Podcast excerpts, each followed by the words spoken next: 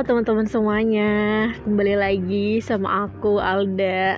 Sebenarnya udah lama banget gak pernah bikin podcast karena memang lagi maju di Pemira juga, alhamdulillah. Bismillah ya, Bismillah ya teman-teman doain.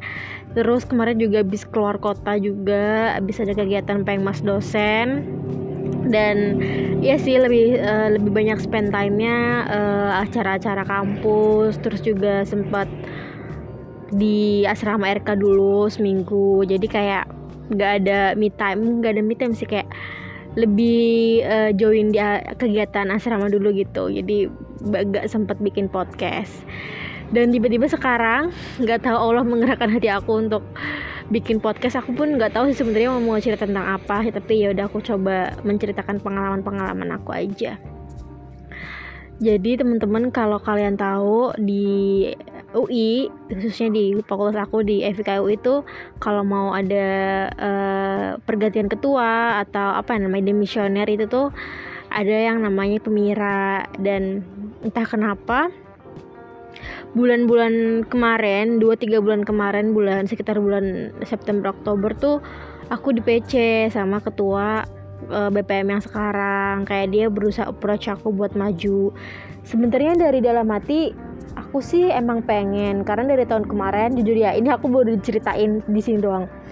Karena dari, dari tahun kemarin kan angkatan aku tuh harus emang mm, apa namanya ngirimin ngirimin perwakilannya jadi BPM kan. Dan di situ tuh aku masih ragu bukan ragu lagi sih gak mungkin jatuhnya karena di situ aku tergabung sama panitia pemira. Dan panitia pemira itu yang nggak boleh maju AI kayak gitu. Dan keputusan aku untuk maju itu ya ya bukan kehalang sih. Jadi kayak ya udah orang gue panitia pemira masa gue jadi AI-nya kayak kan gak mungkin. Akhirnya nggak maju. Padahal di situ pas saat itu ketua komisi aku jadi kan aku dulu masih staff ya itu udah mulai ngedorong aku udah ayo maju enakan maju sekarang loh. Lah emang tahun depannya gue mau maju kak? Gue sampai bilang kayak gitu kayak ya udah emang gak mau maju gitu kan. Gak ada compare-nya antara tahun ini tahun sama tahun depan. Karena ya tadi mindset aku yang dibentuk adalah aku nggak bakalan maju di tahun depan maupun tahun ini. Dan FYI kakakku yang ngomong itu tuh dia udah pernah maju AI makanya dia jadi ketua komisi saat itu. Oke lanjutkan. Bulan September Oktober uh, dia kakakku tuh ngeproach aku gitu ayo dah gitu. Terus atau aku tuh ngerasa kayak emang kayaknya ini deh sinyal-sinyal buat maju gitu apalagi sekarang aku aku kan tergabung di rumah kepemimpinan kan. Jadi lebih kayak sayang banget nih kalau ilmu-ilmunya nggak diterapin. Kayak aku dijejelin materi-materi pemimpin harus yang tahan banting lah harus yang mau susah gitu. Sedangkan aku nggak sah rasanya kalau aku nggak ngerasain sendiri. Emang susah apa sih gitu? Harus setahan banting apa pemimpin itu? Kayak gitu. Akhirnya daripada aku hanya mm, mengawang-awang kayak oh jadi harus tahan banting ya. Oh jadi harus ini ini mending aku langsung aja nih buat biar bisa ngerasain uh, the real medannya kayak gitu. Akhirnya Bismillah aku maju pas saat itu. Dan emang respon respon dari teman-teman aku, peer aku, angkatan bahkan semuanya positif alhamdulillah. Bahkan aku sempat terharu juga karena ternyata sepositif itu vibe yang dibentuk. Kayak mereka benar-benar uh, yang ngedukung, yang ngedoain, ya yang ngasih support. Bahkan beberapa ada yang langsung video call aku, terus juga ada yang langsung PC aku buat ngasih semangat, ngasih strategi dan lain sebagainya. Kayak wow it is amazing for me gitu kan. Akhirnya di situ aku juga terharu akhirnya oke okay deh Bismillah gitu kan aku maju. Tapi teman-teman di pertengahan itu ternyata nggak mudah gitu buat aku untuk akhirnya bisa survive padahal baru pemira nih bahkan belum selesai pemiranya baru di tahap apa kemarin mau kampanye gitu setelah setelah apa ya sidang tata tertib itu sempat postpone gara-gara uh, apa namanya cakabemnya mundur kan. Akhirnya di rentang postpone itu ternyata aku malah goyah gitu. Goyahnya kenapa? Karena aku tuh denial banget yang sama yang sama yang namanya kampanye dan debat publik itu. Karena aku ngerasa uh, aku tuh nggak ada motivasi banget buat mempelajari LFK buat mempelajari BPM kayak BPM tuh harus uh, gue bawa ke arah mana sih? Yang tip yang diperbaikinya tuh apa sih? Gue tuh belum tahu sama sekali gitu. Masih masih burem. Kayak gue maju ya karena tadi intinya. Karena gue mau menerapin gue mau pengen merasakan langsung gimana uh, jadi pemimpin. Udah sekedar sampai itu titik gitu. Gue nggak ngerti nanti yang gue pimpin kayak gimana mau bawa arah ke mana. Itu tuh gue masih belum kebayang saat itu. Sampai akhirnya di di pertengahan itu ada event buat ke keluar kota tadi yang aku udah, udah bilang. Dan di situ ada kakak aku di situ. Nah di situ aku udah yang pokoknya ini aku fokus kegiatan ini dulu nggak boleh kecampur-campur sama pemira. So, aku tuh sampai sedenial itu aku nggak aku belum belajar apa-apa belum tahu-tahu ke siapa. Pengetahuan aku tuh masih mini banget kayak ya udah yang penting aku maju ada perwakilannya dari angkatan regenerasinya jalan udah gitu. Terus cari pengalaman seklasik itu seklasik itu kalau kalian pengen tahu. Sampai akhirnya di sana ketemu kakak aku aku dan ada kandidat lain juga aku udah bilang eh, eh nanti jangan bahas pemira ya di sini kita fokus ini aja gitu biar nggak stres lah. Karena emang aku sedenial itu gitu. Akhirnya oh iya kak oke kan dia kebetulan ada kata kakak tiba-tiba setelah makan malam saat itu aku dipanggil disuruh minggir gitu. Menepi sini dak. Lu mau cerita apa? Lu banyak bebannya gitu-gitu. Gue yang ngerasa hmm is okay aja karena gue sedenial itu gitu kan sama kampanye dan lain sebagainya. Jadi uh, aku masih berada di comfort zone-nya aku gitu. Aku nggak ngerasa terusik.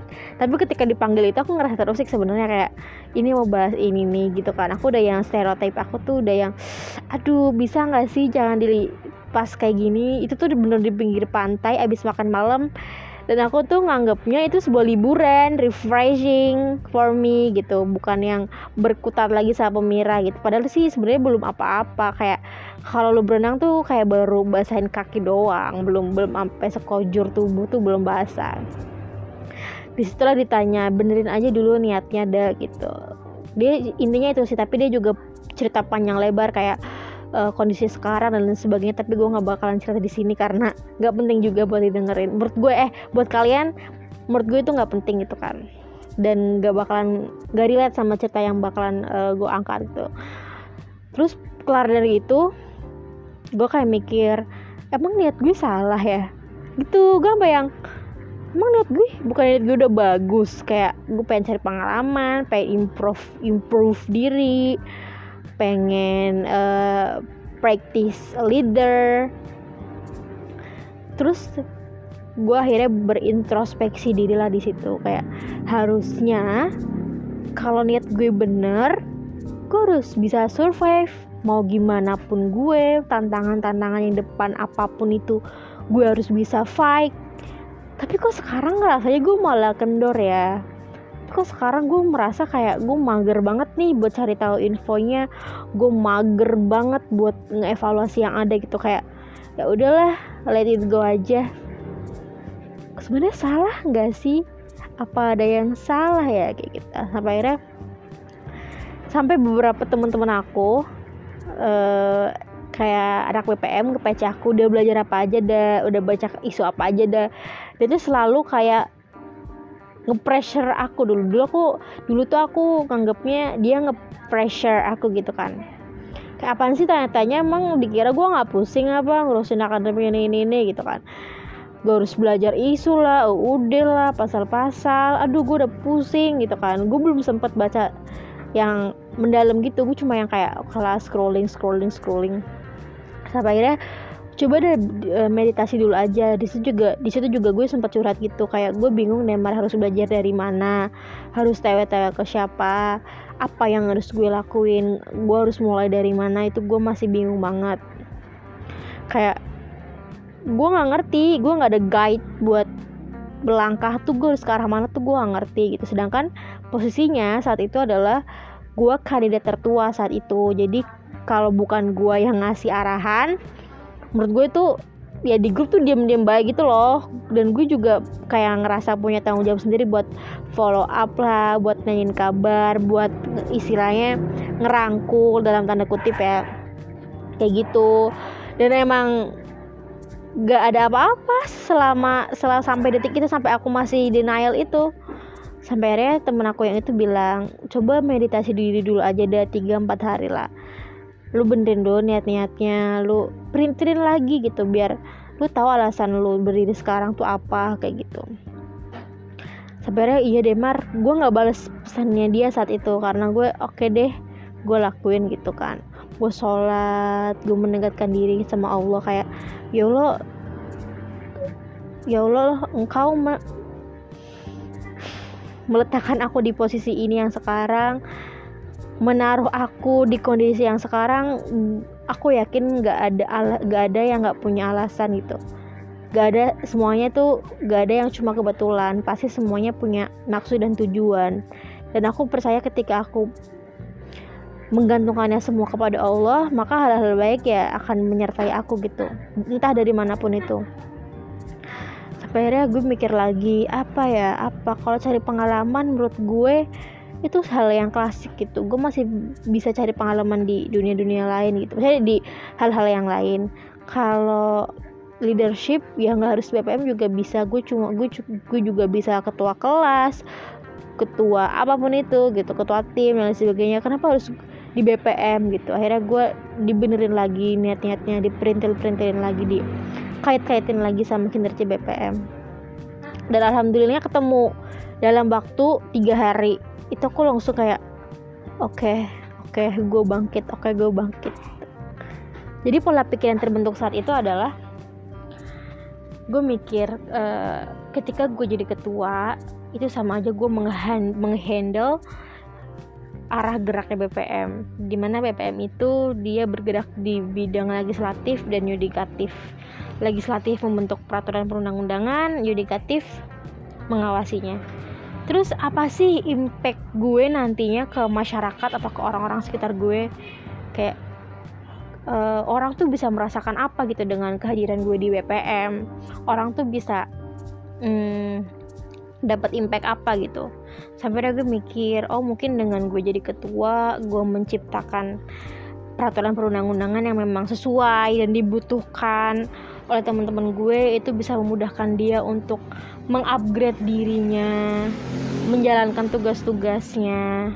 Walaupun itu nggak secara langsung ya karena gue yakin uh, itu apa ya namanya nggak nggak langsung kelihatan gitu ketika ketika gue bentuk peraturan perundang-undangan terus kayak oke okay, gue terasa nih impactnya gitu. Nggak nggak yang kayak gitu. Tapi secara tidak langsung gue udah memfasilitasi mereka buat akhirnya mengikuti kegiatan-kegiatan yang ada. Contoh gue bikin peraturan perundang-undangan tentang pemira. Di situ mencari ketua ketua lembaga terus juga lembaga-lembaga yang ada kan pasti butuh yang namanya regenerasi. Mungkin dengan adanya peraturan perundang-undangan tersebut kegiatan-kegiatan baik yang ada di dalamnya masih terus bisa masih bisa terus berlangsung. Contoh lagi OKK OKK itu menurut gue punya banyak impact apalagi buat maba ya mungkin buat maba yang nggak tahu tentang FIK terus juga yang uh, masih malu-malu masih bingung masih resah sama fakultasnya sendiri bisa diyakinkan lagi dimantapkan lagi. Atau di OKK juga mereka bisa ketemu teman-teman baru yang akhirnya bisa menjalin silaturahmi dan ukhuwah yang bagus yang mungkin bisa aja mem membawa mereka ke arah yang lebih baik itu di lingkungan pertemanan mereka. Kan gue nggak tahu itu adalah impact secara tidak langsung gitu. Tapi gue akhirnya oke okay, ternyata itu loh uh, kegunaan keberadaan gue gue sebagai BP, ketua BPM nantinya kayak gitu. Atau sesimpel gue bisa hmm, apa ya mengawasi jalannya peraturan perundang-undangan biar sesuai dan stay on the track dan gak ada apa penyelewengan penyelewengan tugas dan wewenang uh, masing-masing LFK itu kan juga penting buat nanti nantinya mereka belajar bahwa harus tanggung jawab harus bisa diandalkan dan sebagainya. Sebenarnya oke okay, kayaknya gue berdampak juga nih kalau gue jalannya benar gitu. Sampai akhirnya gue mikir oke okay deh gue maju gara-gara emang pengen ya tadi memberikan manfaat menebar kebaikan terus juga akhirnya bisa mempertahankan apa apa yang memang sudah baik gitu kayak gitu. Sampai akhirnya gue oke okay, gue maju deh. Dan setelah itu gue langsung yang aktif di grup. Terus gue langsung tewe-tewe ke Kasyanti tewe-tewe juga ke siapa ya pas itu ya? Ke Kak Along juga gue sempat PC sampai VN gitu. Dan akhirnya alhamdulillahnya nemu gitu jawabannya kayak apa yang harus diperbaiki apa yang uh, eh, gue gue masih bingung harus ke mana gue gue jadi tahu gitu apa yang harus gue fokusin ke, dep nah, ke depan nantinya alhamdulillahnya semuanya kejawab sih. Dan emang bener sih kayak menggantungkan Allah tuh ya lu bisa ngeliat sendiri dong. Kayak semuanya tuh kejawab tanpa tanpa lu harus mikir banyak-banyak mikir keras-keras tiba-tiba semuanya selesai gitu. Dan alhamdulillahnya kampanye kemarin bisa gue bilang berjalan lancar sih. Nggak ada pertanyaan-pertanyaan yang bikin gue sampai stress out atau gimana pun gitu. Jadi tadi balik lagi ketika gue melibatkan Allah di dalamnya melibatkan kebaikan-kebaikan dan berorientasi untuk menyebar kebermanfaatan menurut gue itu hal-hal yang pasti gue yakin bakalan dibantu sama Allah gitu. Apa pun itu bentuknya entah itu tadi gue jadi lebih tercerahkan gue dibantu sama hasil TW-TW tadi dapat semangat at least dapat semangat tuh menurut gue itu punya impact juga gitu. Sometimes ya gitu deh cerita aku terkait kontestasi gembira ini. Jadi kalau kalian ngeliat gue cuma hahihi kampanye koar-koar jangan lupa pilih nomor tiga dan lain sebagainya. Itu gak bukan gak bener sih. Ya gue emang hahihi bener. Cuman di balik itu ada other side yang uh, gue bisa ngerasain hikmahnya gitu. Mungkin teman-teman juga bisa walaupun cuma dengan mendengarkan ya nggak ngerasain langsung tapi nggak apa-apa. Tapi menurut gue uh, pelajaran dan insight hidup tuh bisa dari mana aja gitu. Mungkin temen-temen yang dulunya mager buat dengerin cerita gue podcast gue tiba-tiba tergerak hatinya dan didorong oleh Allah buat dengerin cerita gue ya semua garanya kebetulan men. Jadi ya syukurin aja sampai sekarang. Dan lebih peka sih lebih peka sama sinyal-sinyal Allah buat akhirnya memaknai kehidupan tuh sesuatu hal yang bener-bener berharga gitu. Di setiap hembusan nafas itu merupakan hal yang berharga bagi gue sekarang gitu. Karena di situ ada banyak pelajaran hidup yang bisa lo ambil dari berbagai peristiwa yang mungkin menurut lo itu nggak penting-penting banget. Ya gue tipe orang yang menilai sesuatu tuh dari sudut pandang yang beda gitu. Tapi ntar uh, next time gue ceritain lagi takutnya ini kepanjangan oke deh sekian dari podcast gue. Semoga bisa aduh 17 menit guys gila. Makasih semuanya